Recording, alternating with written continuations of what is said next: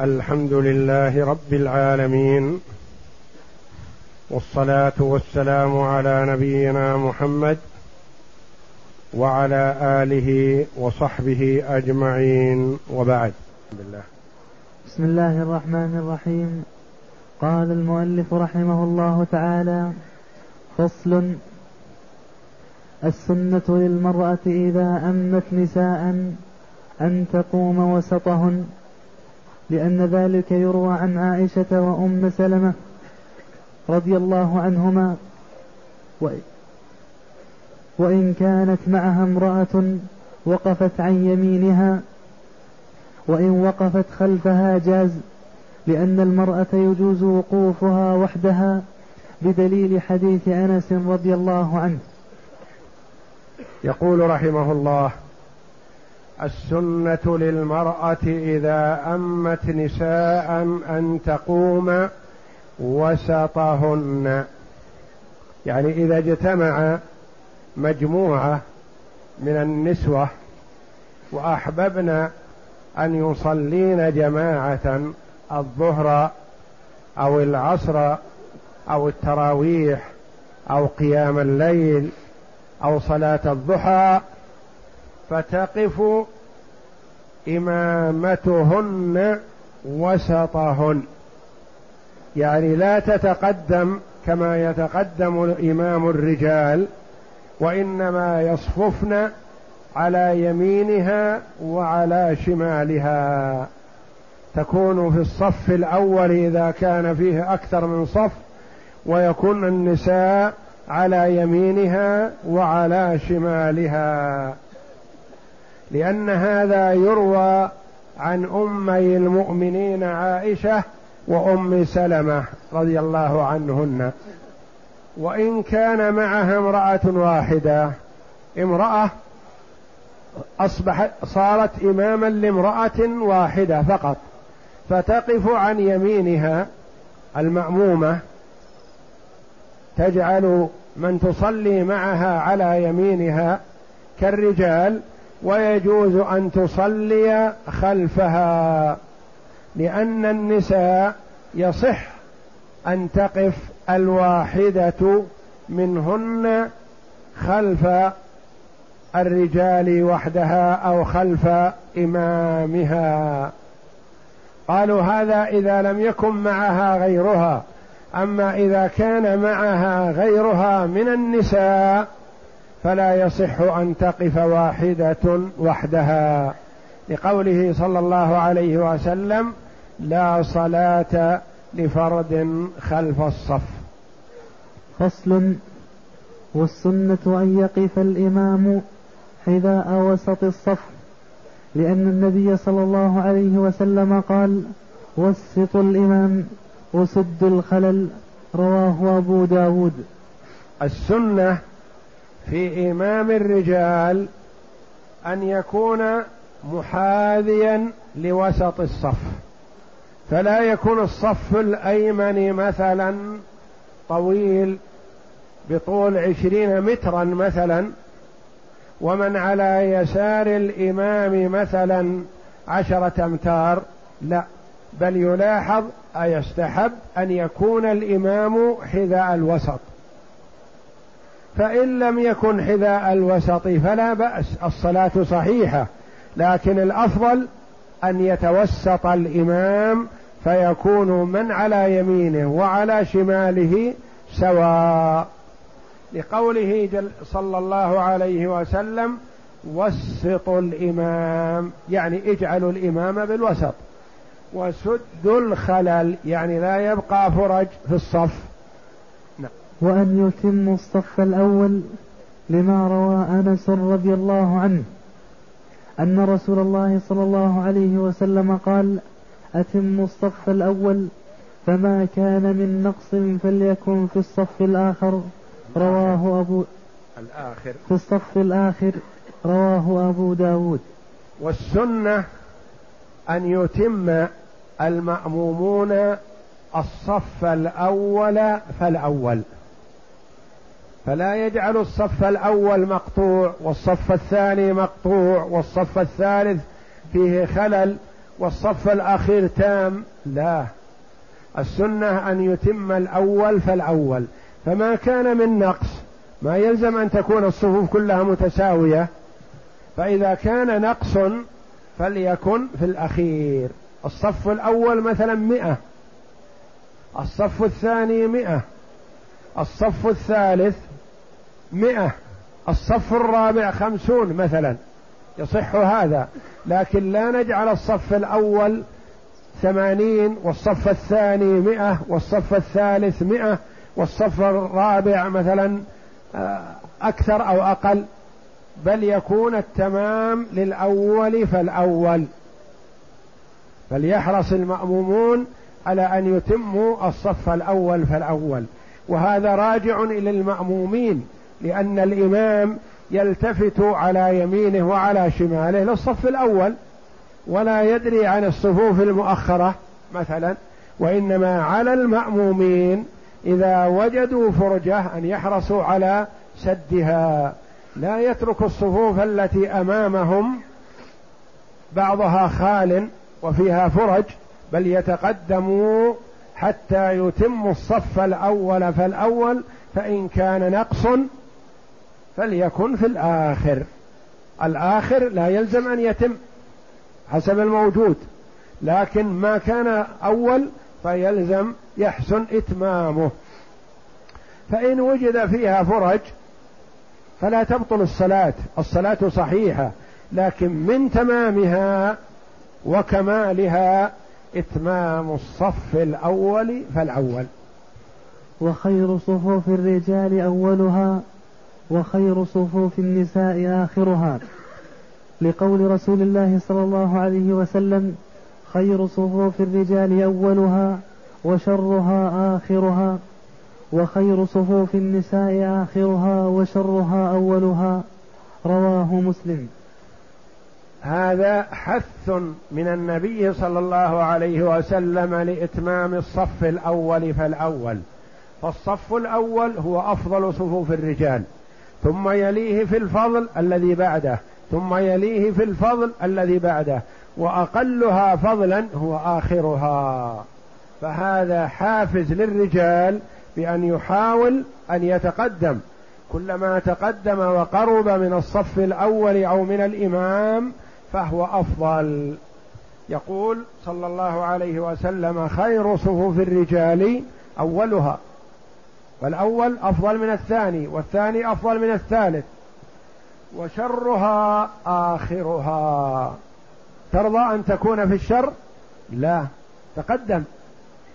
وخير صفوف النساء آخرها لأنه أستر وأبعد عن الرجال. وشرها أولها لأنه يلي الرجال. إذا التفتوا الرجال رأوها. التي في الصف الأول من النساء. أما التي في الصف الأخير فهي بعيدة عن الرجال وقد تكون بين صفوف النساء والجدار فهي أبعد عن الرجال مرأى. نعم.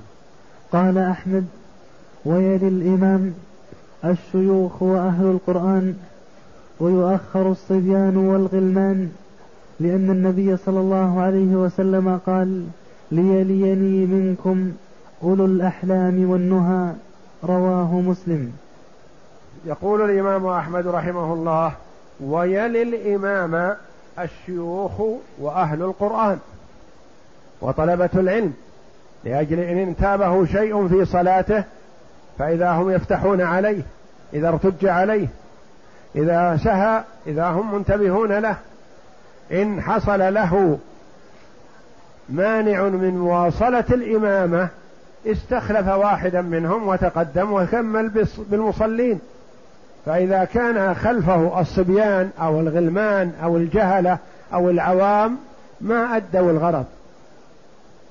بقوله صلى الله عليه وسلم ليلني منكم أولو الأحلام أصحاب الحلم المعرفة والبصيرة والنهى العقول.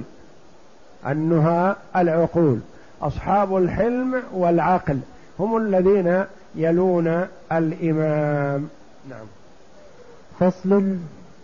والسنة ألا يكون الإمام أعلى من المأموم من المأموم لما روي أن عمار بن ياسر رضي الله عنه كان بالمدائن فأقيمت الصلاة فتقدم عمار فقام على دكان والناس أسفل منه.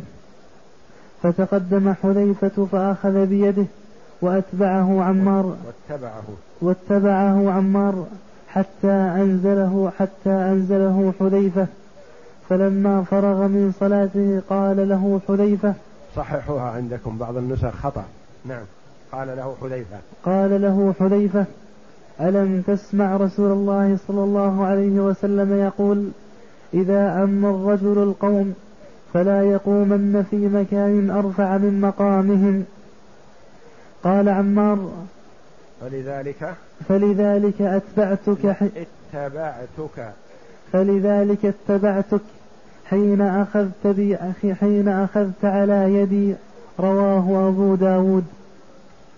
والسنة أن يكون الإمام مساويا للمأمومين في الموقف.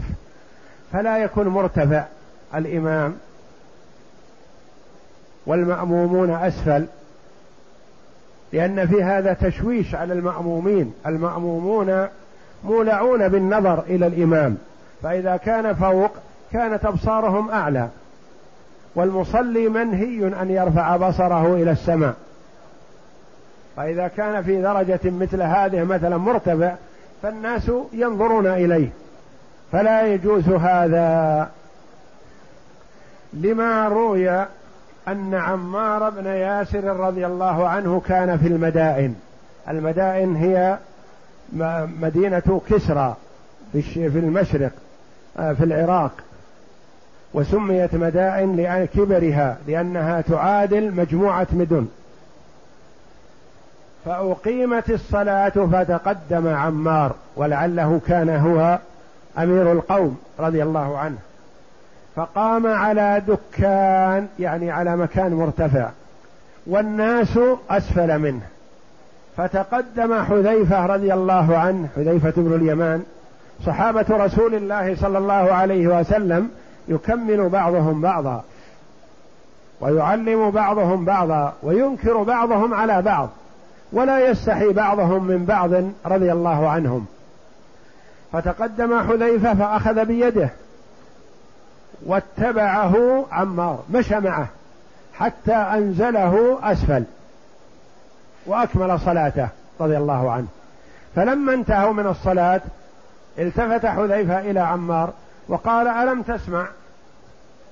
رسول الله صلى الله عليه وسلم يقول إذا أما الرجل القوم فلا يقومن في مكان أرفع من مقامهم. ما سمعت هذا الحديث؟ قال فلذا اتبعتك. يقول بلى. كأنه يقول بلى سمعته. لكن كأنه نسي أو أن المكان ضيق يستدعي هذا أو أنه آثر الجماعة بالصف للمكان. فقال قال عمار فلذلك اتبعتك. لأني لو لم يكن عندي علم من هذا الحديث ما اتبعتك وأنت تسحبني وأنا الإمام. تجرني إلى الخلف. لكن لعلمي بهذا الحديث ولعله نسيه لما جذبه عرف أن تذكر. ولذلك اتبعتك حين أخذت على يدي. رواه أبو داود. نعم. فإن فعل فقال ابن حامد تبطل صلاته. تبطل؟ تبطل صلاته لارتكابه النهي. وقال القاضي لا تبطل لأن عمارا بنى على صلاته وعن أحمد لا بأس بهذا لما فإن فعل وخالف وصلى الإمام في مكان مرتفع فقال بعض العلماء ومنهم ابن حامد يقول تبطل صلاته. لما يرحمك الله؟ يقول لأن النبي صلى الله عليه وسلم نهى عن هذا والنهي من النبي صلى الله عليه وسلم يقتضي الفساد. وقال غيره ومنهم القاضي لا تبطل لما يرحمك الله؟ قال لأن عمارا رضي الله عنه بنى على صلاته. لو كانت تبطل لاستأنف الصلاة. كان مقدمة صلاة عمار غير صحيحة فيستأنفها. لكن عمار رضي الله عنه بنى على صلاته دليل على صحة ارتفاعه. وقال أحمد رحمه الله لا بأس بهذا. لا بأس بهذا وخاصة إذا كان الارتفاع ليس بفاحش أو الارتفاع لغرض كأن يكون المكان ضيق. وإذا صف الإمام تحت احتجز صفا كاملا مثلا. وإذا صف صلى فوق في المنبر وسع للمأمومين. أو أن يكون المرء ليعلم من يصلي بهم. فيرتفع عليهم قليلا حتى يرونه. إذا كان لغرض صحيح فلا بأس لأن النبي صلى الله عليه وسلم صلى على المنبر وركع على المنبر ورفع على المنبر. فلما أراد أن يسجد رجع القهقراء وسجد في أسفل المنبر صلوات الله وسلامه عليه. فلما انتهى من السجدتين ارتفع ووقف على المنبر. وجهه للقبلة يصلي. فهو عند السجود يرجع القهقراء وعند القيام يتقدم إلى المنبر. فلما انصرف صلى الله عليه وسلم بين لصحابته الكرام الغرض من فعله هذا. نعم اقرأ. وعن أحمد لا بأس بهذا لما روى سهل قال رأيت رسول الله صلى الله عليه وسلم قام على المنبر فكبر وكبر الناس وراءه. يعني كبر مصليا كبر تكبيرة الإحرام. نعم. وهو على المنبر ثم ركع ثم رفع فنزل القهقرى حتى سجد في أصل المنبر. القهقرى يعني رجع إلى الخلف لم يلتفت بل رجع يمشي على قفاه. نعم. ثم عاد حتى فرغ من حتى فرغ من آخر صلاته. ثم قال أيها الناس إنما فعلت هذا لتأتموا بي ولتعلموا صلاتي ولتعلموا ولتعلموا. ولتعلموا صلاتي متفق عليه. يعني هذا الغرض من فعل النبي صلى الله عليه وسلم التعليم. لأنه إذا صار مساويا لهم ما رآه كل الجماعة ما رآه إلا من خلفه بالضبط. فإذا ارتفع على المنبر رأوه يرونه. ولا بأس بالعلو اليسير لأنه لا يحتاج فيه إلى رفع البصر المنهي عنه. لأنه لأن الغرض من ارتفاع الإمام من نهي الإمام عن الارتفاع لئلا يرفع الجماعة أبصارهم إليه. فإذا كان الارتفاع يسير درجة واحدة مثلا فلا بأس بذلك. نعم. بخلاف الكثير ولا بأس أن يكون المأموم أعلى من الإمام لذلك. لا بأس أن يكون المأموم أعلى من الإمام كأن يكون مثلا الإمام معه جماعة يصلون في الدور الأرضي مثلا وآخرون يصلون فوق في أدوار متعددة فلا بأس بذلك. ويصح أن يأتم أن يأتم به من في أعلى المسجد وغيره إذا اتصلت الصفوف. ويصح أن يأتم بالإمام من في أعلى المسجد ومن في أسفل المسجد. مثلا يكون الإمام في الوسط في, في الأرض وفيه أناس حدر في الخلوة مثلا وآخرون في الدور الأول وآخرون في الدور الثاني وآخرون في السطوح وهكذا فلا بأس بذلك. نعم. فصل يجوز أن يأتم بالإمام في المسجد وإن تباعد لأن المسجد كله موضع للجماعة. فإن كان بينهما حائل يمنع المشاهدة وسماع التكبير لم يصح الائتمام به لتعذر اتباعه. يجوز أن يأتم بالإمام من في المسجد. مثلا المسجد الحرام كبير ومتباعد بعضه عن بعض. يصح أن يأتموا بالإمام بشرط أن يمكن متابعته بوجود مكبر الصوت والمنبه معناه يصح. لكن لو كان لا منبه والإمام يصلي حول الكعبة وآخرون يصلون عند الأبواب مثلا ما سمعوا التكبير ولا أتم ولا أمكن الائتمام به بالإمام. فمعنى هذا أنه يصح أن يأتم بالإمام من كان في المسجد وإن تباعد إذا حصل وأمكن المتابعة بسماع الصوت أو الرؤية حتى وإن لم تتصل الصفوف. وإنما الأفضل اتصال الصفوف. لكن لو تقطعت الصفوف فلا بأس والصلاة صحيحة ما داموا في المسجد. نعم. وإن منع المشاهدة دون السماع ففيه وجهان. يعني إذا منع المشاهدة كانوا يسمعون لكن لا يشاهدون الإمام ولا من خلفه. هل تصح أو لا تصح؟ قولان للعلماء. نعم. وجهان أحدهما صحة الصلاة لأن أحمد قال في المنبر إذا قطع الصف لم يضر ولأنهم في موضع الجماعة. وموضع الجماعة فهم في المسجد. نعم. ويمكنهم الاقتداء به. لسماع التكبير. حتى لو لم يروه يمكنهم أن يقتدوا به لأنهم يسمعون التكبير والتسميع. نعم. ويمكنهم الاقتداء به لسماع التكبير فأشبه المشاهد. والثاني الوجه الثاني أنها لا تصح صلاة الأباعد الذين لا يرون الإمام.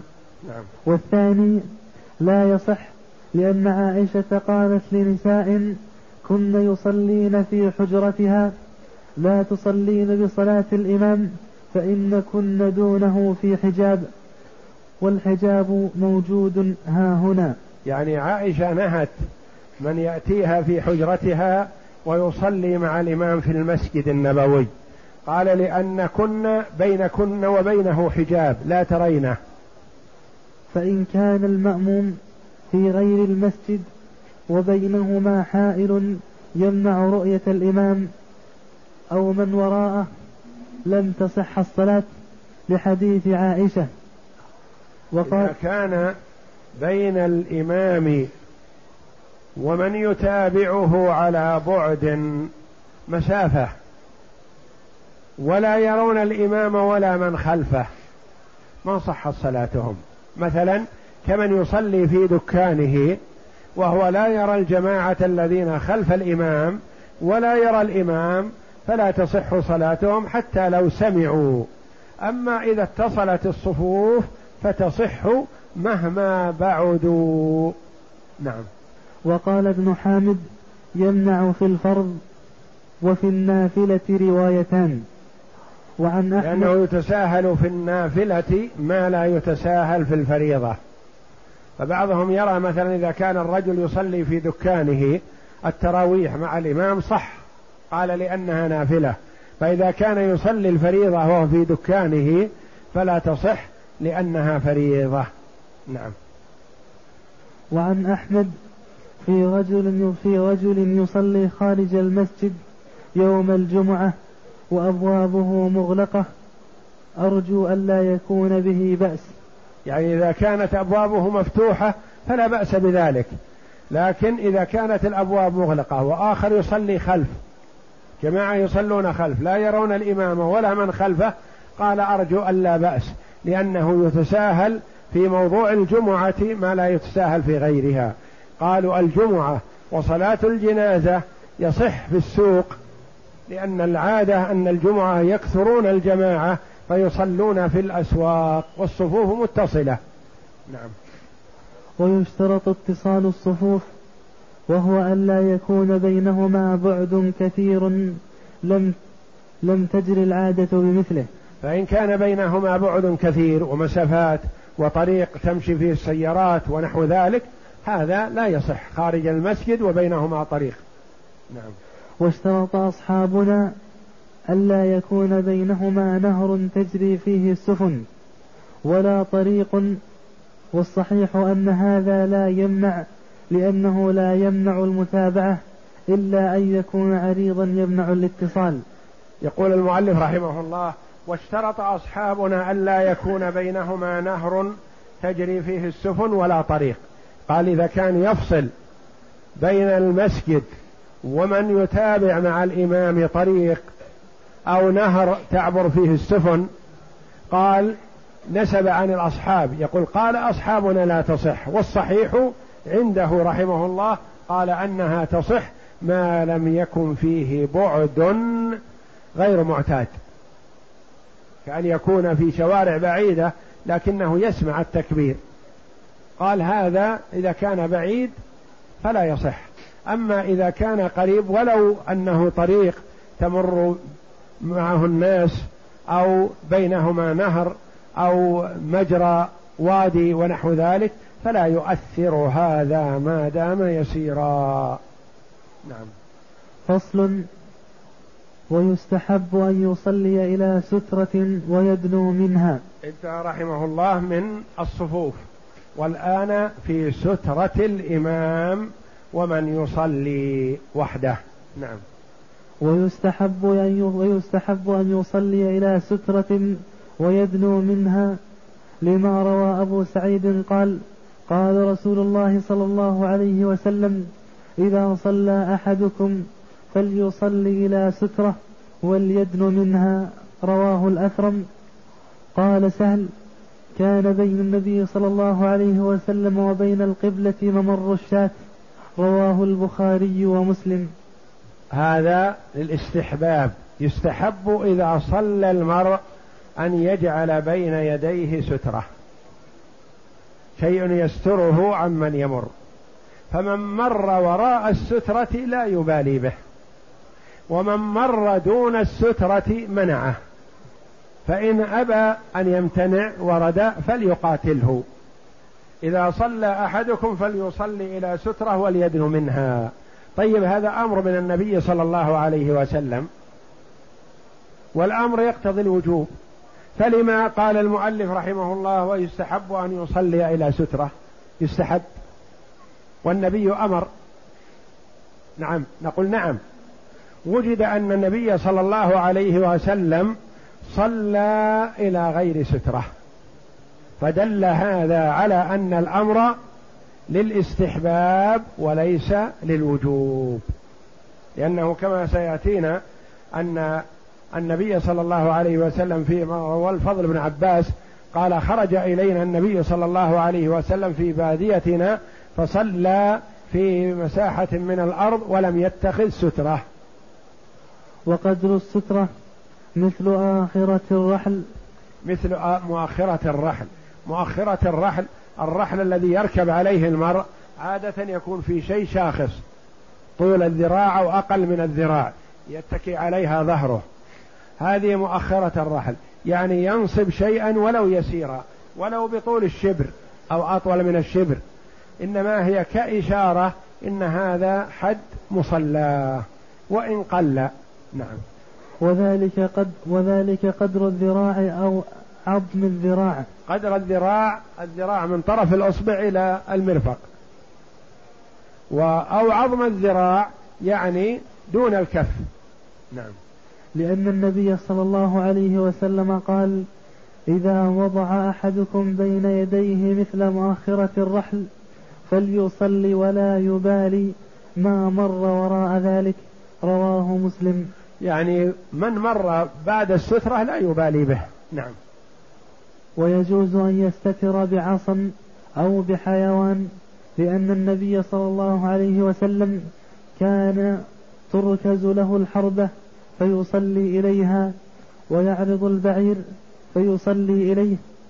وقال نافع كان ابن كان ابن عمر إذا لم يجد سبيلا إلى سارية قال ولني ظهرك. قال ولني ظهرك. ويجوز أن يستتر بعصا أو بحيوان. عصا معه يركزه في الأرض. يكفي. أو بعيره يجعله بينه وبين القبلة ليستتر به عن المارة. أو بإنسان جالس. إذا رأى إنسان جالس صلى وراءه ونواه سترة له. كان ابن عمر رضي الله عنه إذا أراد أن يصلي ولم يجد سبيلا إلى سارية أو جدار أو نحوه قال لنافع مولاه خادمه. قال لنافع ولني ظهرك يعني اجلس قدامي وعطن ظهرك. لا يعطيه أمامه حتى لا يشغله بالنظر إليه وإنما يعطيه ظهره ولني ظهرك. وكان النبي صلى الله عليه وسلم تركز له الحربة سترة. الحربة عصا في طرفها زج محدد فيركزها في الأرض ويصلي إليها عليه الصلاة والسلام. وأحيانا يعرض بعيره ويصلي إليه صلى الله عليه وسلم. نعم. فإن لم يجد سترة خط خطا لما روى أبو هريرة قال قال رسول الله صلى الله عليه وسلم فلينصب عصا فإن لم يكن معه عصا فليخط خطا. ثم لا يضره ما مر أمامه. رواه أبو داود. قال أحمد. قال أحمد الخط عرضا مثل الهلال وقد قالوا طولا وقالوا عرضا وأنا أختار هذا. يقول فإن لم يجد سترة خط خطا ويجعل الخط بمثابة المحراب بمثابة الهلال. منحني بمثابة المحراب. قال رسول الله صلى الله عليه وسلم إذا صلى أحدكم فليجعل تلقاء وجهه شيئا. أي شيء يجعله سترة له. فإن لم يجد فلينصب عصا. يركز عصا في الأرض. فإن لم يكن معه عصا فليخط خطا. ثم لا يضره ما مر أمامه. فإن لم يستطع ركز العصا مثلا. ولا يظهر أثر الخط في الأرض كأن تكون الأرض مبلطة. فليضع العصا عرضا بدل ما يركزه إذا كان الأرض مبلطة ما يمكن أن يرتكز العصا يضعه بين يديه هكذا. قال أحمد الخط عرضا مثل الهلال يعني يجعله عرض مثل على شكل الهلال. وقالوا طولا يعني يجعل خط مستطيل هكذا يباريه. وقيل عرضا وهذا أحب إلي أولى وأنا أختار هذا. يعني يختار الإمام أحمد رحمه الله أن تجعله على شكل الهلال أمامك. نعم. فإن لم يمكنه نصب العصا ولا الخط عرضها بين يديه. أي العصا جعلها بين يديه عرضا. نعم. لأنها تقوم مقام الخط ولا يصمد للسترة ولكن ينحرف عنها يسيرا لقول المقداد ما رأيت رسول الله صلى الله عليه وسلم يصلي إلى عمود ولا لا لا إلى عود. يصلي إلى عود ولا عمود ولا شجرة إلا جعله على جانبه الأيمن ولا يصمد لها صمدا. رواه أبو داود. ولا يصمد للسترة. يعني مثلا إذا صلى إلى العمود يميل عنه قليلا يمينا أو شمالا.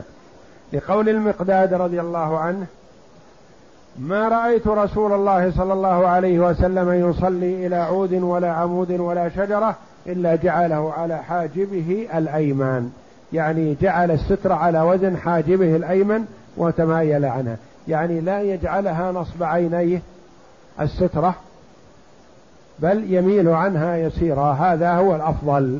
نعم. وسترة الإمام سترة لمن خلفه لأن النبي صلى الله عليه وسلم كان يصلي بأصحابه إلى سترة ولم يأمرهم أن يستتروا بشيء. سترة الإمام إذا اتخذها سترة له ولمن خلفه. فالمأموم لا يحتاج إلى سترة لأن سترته هي سترة الإمام. نعم.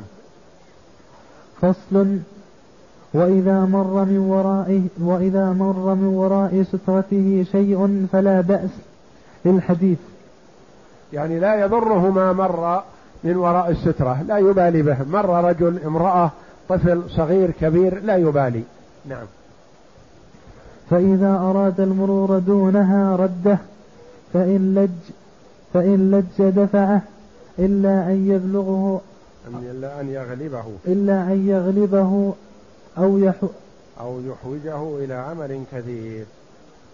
إلا أن يغلبه أو يحو أو يحوجه إلى عمل كثير. يحوجه يحوجه. أو يحوجه إلى عمل كثير. لما روى أبو سعيد قال سمعت رسول الله صلى الله عليه وسلم يقول إذا كان أحدكم يصلي إلى شيء يستث يستره من يستره من الناس. فأراد أحد أن يجتاز بين يديه فليدفعه فإن أبى فليقاتله فإنما هو شيطان متفق عليه. نعم فإن مر. فإن مر بين يديه لم يرده من حديث من حيث جاء لأنه, لأنه مرور ثاني. المرور من وراء السترة لا يؤثر لكن من بينه وبين السترة يقول عليه الصلاة والسلام إذا كان أحدكم يصلي إلى شيء يستره من الناس فأراد أحد أن يجتاز بين يديه فليدفعه. يعني يمر بينه وبين سترته فليدفعه. فإن أبى من دفع فليقاتله فإنما هو شيطان. يعني يقاتله يدفعه أغلظ وأقسى. وليس المراد أن يقاتله مقاتلة آه، إذا حصل إلى حد القتل والمضاربة لأنه إذا وصل إلى هذا الحد احتاج إلى عمل كثير فبطلت صلاته. والغرض هو المحافظة على الصلاة من الخدش. فإذا اضطره ذلك إلى المضاربة ضر بصلاته أكثر وربما تبطل صلاته. يعني فليدافعها لكن مر. إذا مر فهل يجره ويعيده؟ لا. لأنه إن جره وأعاد اعتبر مرور ثاني. أكثر من الأول. ما مدى مر اتركه. دعه يفوت. وإن صلى إلى غير سترة فمر من بين يديه شيء فحكمه حكم ما مر بينه وبين السترة للحديث ويتقيد ذلك بالقريب منه الذي لو مشى إليه فدفعه لم تفسد صلاته. لأن النبي صلى الله عليه وسلم أمر بدفع المار فتقيد به. بدلالة الإجماع بما لا يفسد الصلاة فكذلك هذا.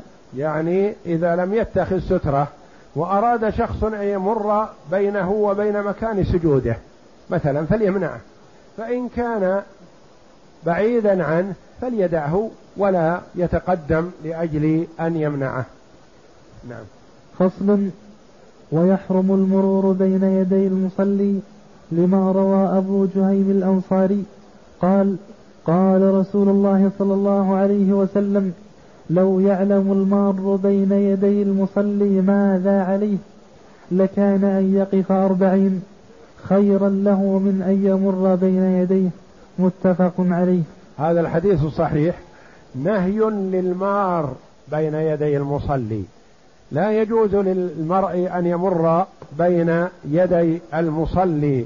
لقوله صلى الله عليه وسلم لو يعلم المار بين يدي المصلي ماذا عليه يعني من الإثم لكان أن يقف أربعين خيرا له من أن يمر بين يديه متفق عليه هذا حديث صحيح. وهذا أيها الإخوة في غير مكة. أما في مكة فسيأتينا حكم ذلك الآن إن شاء الله. نعم. ولا يقطعها شيء إلا الكلب الأسود البهيم. ولا يقطعها شيء. يعني لا يقطع الصلاة لا يبطلها إذا مر. افرض أنه مر ولم تستطع منعه أو ما منعته فهل تبطل الصلاة؟ قال المؤلف رحمه الله لا يقطع الصلاة إلا شيء واحد وهو الكلب الأسود البهيم. يعني الذي كله أسود. إلا الكلب الأسود البهيم. الذي لا لون لا لون فيه سوى السواد. يعني بهيم يعني كله أسود. نعم. لما روى أبو ذر قال قال رسول الله صلى الله عليه وسلم إذا قام أحدكم يصلي فإنه يس فإنه يستره مثل آخره. مثل مؤخرة. مثل آخرة الرحل. مثل. آخرة الرحل. فإذا لم يكن بين يديه مثل آخرة الرحل فإنه يقطع صلاته الحمار والمرأة والكلب الأسود. قلت يا أبا ذر ما بال الكلب الأسود من الكلب الأحمر من الكلب الأصفر؟ فقال يا ابن أخي سألت رسول الله صلى الله عليه وسلم كما سألتني فقال الكلب الأسود شيطان رواه مسلم. نعم. هنا قال لا يقطع الصلاة إلا الكلب الأسود البهيم الذي حالك في السواد كله. والحديث إذا قام أحدكم يصلي فإنه يسره مثل آخرة الرحل. فإن لم يكن بين يديه مثل آخرة الرحل فإنه يقطع صلاته الحمار والمرأة والكلب الأسود. الحديث فيه ثلاثة. والمؤلف رحمه الله يقول الذي يقطع الصلاة والكلب الأسود البهيم. لما؟ نعم. نقول أما بالنسبة للمرأة فقد روت عائشة رضي الله عنها وقالت كنت أكون معترضة بين يدي النبي صلى الله عليه وسلم وهو يصلي. نائمة. بين يديه. فدل على أن المرأة لا تقطع الصلاة. الأمر الثاني حديث أم سلمة رضي الله عنها وأرضاها. قالت كان رسول الله صلى الله عليه وسلم يصلي فأراد عبد الله أو عمر أحد أولادها أن يمر فأشار إليه فامتنع الولد. فأرادت زينب أن تمر فأشار إليها فمرت. ما امتنعت زينب رضي الله عنها. فلما انصرف صلى الله عليه وسلم من صلاته قال هن أغلب. هن أغلب. يعني الولد الذكر أشرت إليه وامتنع. والبنت عبرت مع وجود إشارة النبي صلى الله عليه وسلم فقال هن أغلب. واستمر النبي صلى الله عليه وسلم في صلاته لأنه لو كانت المرأة تقطع الصلاة كان انقطعت صلاة النبي صلى الله عليه وسلم بمرور زينب بنت أم سلمة بنت أبي سلمة ربيبة النبي صلى الله عليه وسلم. قال هن أغلب. والحمار روى عبد الله بن عباس رضي الله عنه قال أتيت النبي صلى الله عليه وسلم يصلي في منى وأنا على أتان لنا فلما حاذيت الصف نزلت فرفعت فذهبت الأتان ترتع. ولم ينكر علي أحد. يعني تمر بين الصفوف وتمر بين يدي المصلي ولم ينكر علي أحد دليل على الجواز. وقول الفضل رضي الله عنه أتانا النبي صلى الله عليه وسلم في بادية لنا فصلى إلى غير سترة وكانت أتان لنا وكلبه يعبثان بين يديه فلم ير في ذلك بأسا. فدل على أن الكلب غير الأسود البهيم والحمار وجوده في قبلة المصلي أنه لا يؤثر. إذا ما الذي بقي من الحديث السابق؟ الكلب الأسود. والكلب الأسود بلغ قال عنه النبي صلى الله عليه وسلم إنه شيطان. إذا فإبطال الصلاة لا يبطلها المرور لكنه ينقص أجرها. قالوا ينقص أجرها إذا لم يعمل المرء الاحتياطات ولم يمنع المار. أما إذا اتخذ الاحتياطات ومنع المار فالإثم على المار وليس على من مر عليه. نعم. وعن أحمد أن مرور المرأة والحمار يقطع الصلاة. رواية عن أحمد رحمه الله يأخذ بهذا الحديث بكامله فيقول الكلب الأسود والمرأة والحمار يقطعون الصلاة. هذه رواية أخرى والرواية الأولى التي عليها العمل هي السابقة. وعائشة رضي الله عنها تقول سامحكم الله وهداكم الله جعلتونا مع الحمير. لقد كان النبي صلى الله عليه وسلم يصلي وكنت نائمة بين يديه معترضة. للحديث والمشهور الأول. المشهور الأول أنه لا يقطع الصلاة إلا الكلب الأسود البهيم. نعم. لأن عائشة رضي الله عنها قالت عدلتمونا بالكلب والحمار لقد كان رسول الله صلى الله عليه وسلم يصلي صلاته من الليل كلها وأنا معترضة بينه وبين القبلة متفق عليه. نعم هذا الحديث صحيح نعم. وقال الفضل بن عباس أتاني النبي صلى الله عليه وسلم ونحن في بادية فصلى في صحراء. البادية خارج المدينة يعني في الصحراء. نعم.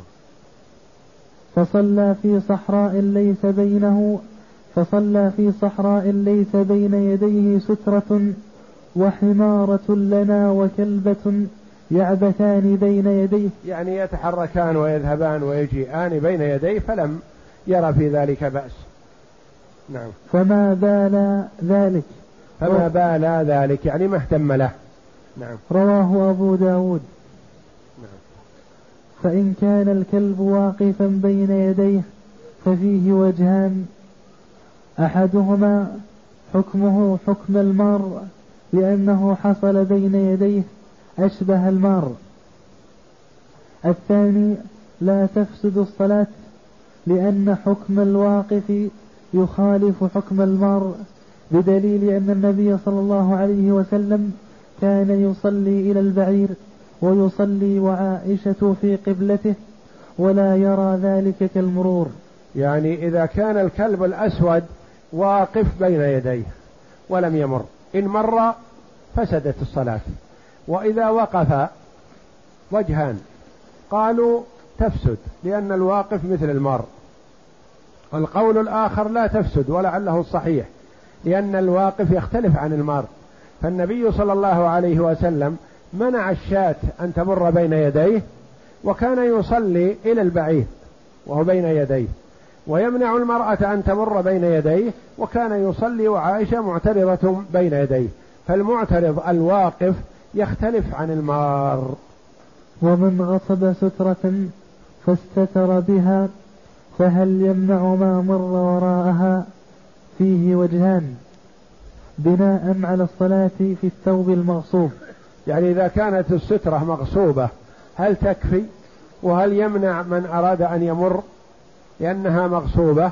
قولان للعلماء رحمهم الله. نعم. فصل ولا حاجة في مكة إلى سترة. هذا الذي نحن فيه ونحتاجه ولا حاجة في مكة إلى سترة. في مكة يعني عموم الحرم مكة ومنى ومزدلفة وجميع المساجد والأماكن في مكة لا تحتاج إلى سترة. هذا ما رجحه المؤلف واختاره جمع من العلماء رحمهم الله. فمعناه أنك إذا صرت تصلي في المسجد الحرام أو في غيره من المساجد في مكة فأرادت امرأة أن تمر بين يديك فدعها. أو أراد رجل أن يمر بين يديك فدعه ولا تمنعه.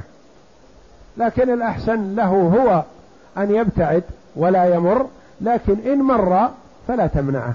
وبالنسبة لك أنت الأولى أن لا تمر بين يدي المصلي.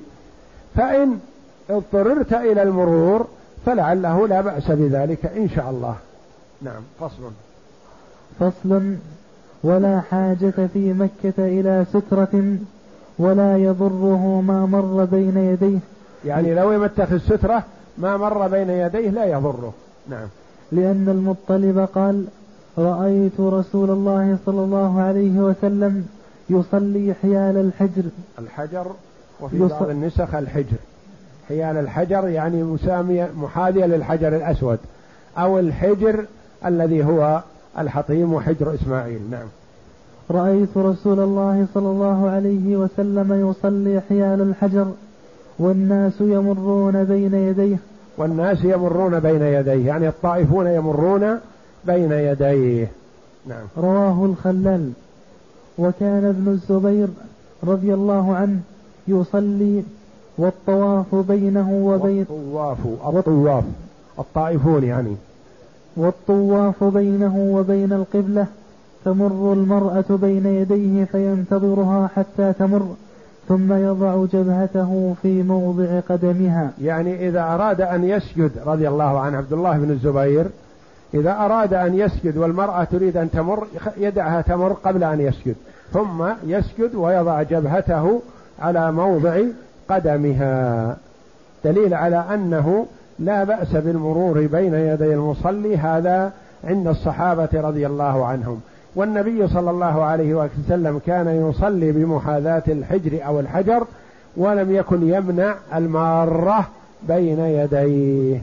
قالوا وليس هذا خاصا في المسجد الحرام هذا فقط وإنما في الحرم كله يعني في مكة لأنها أماكن المشاعر. منى ومزدلفة وغالبا تكثر فيها الناس ويكثر الزحام ويضطر المرء إلى المرور بين يدي المصلي ويضطر المصلي ألا يمنع مارا لأنه لو منع لاشتغل بالمنع باستمرار. فقالوا مكة تختلف عن غيرها بخلاف غيرها من البلدان فالنهي عام. لو يعلم المار بين يدي المصلي ماذا عليه لكان أن يقف أربعين خير له من أن يمر. والله أعلم. وصلى الله وسلم وبارك على عبد ورسول نبينا محمد وعلى آله وصحبه أجمعين.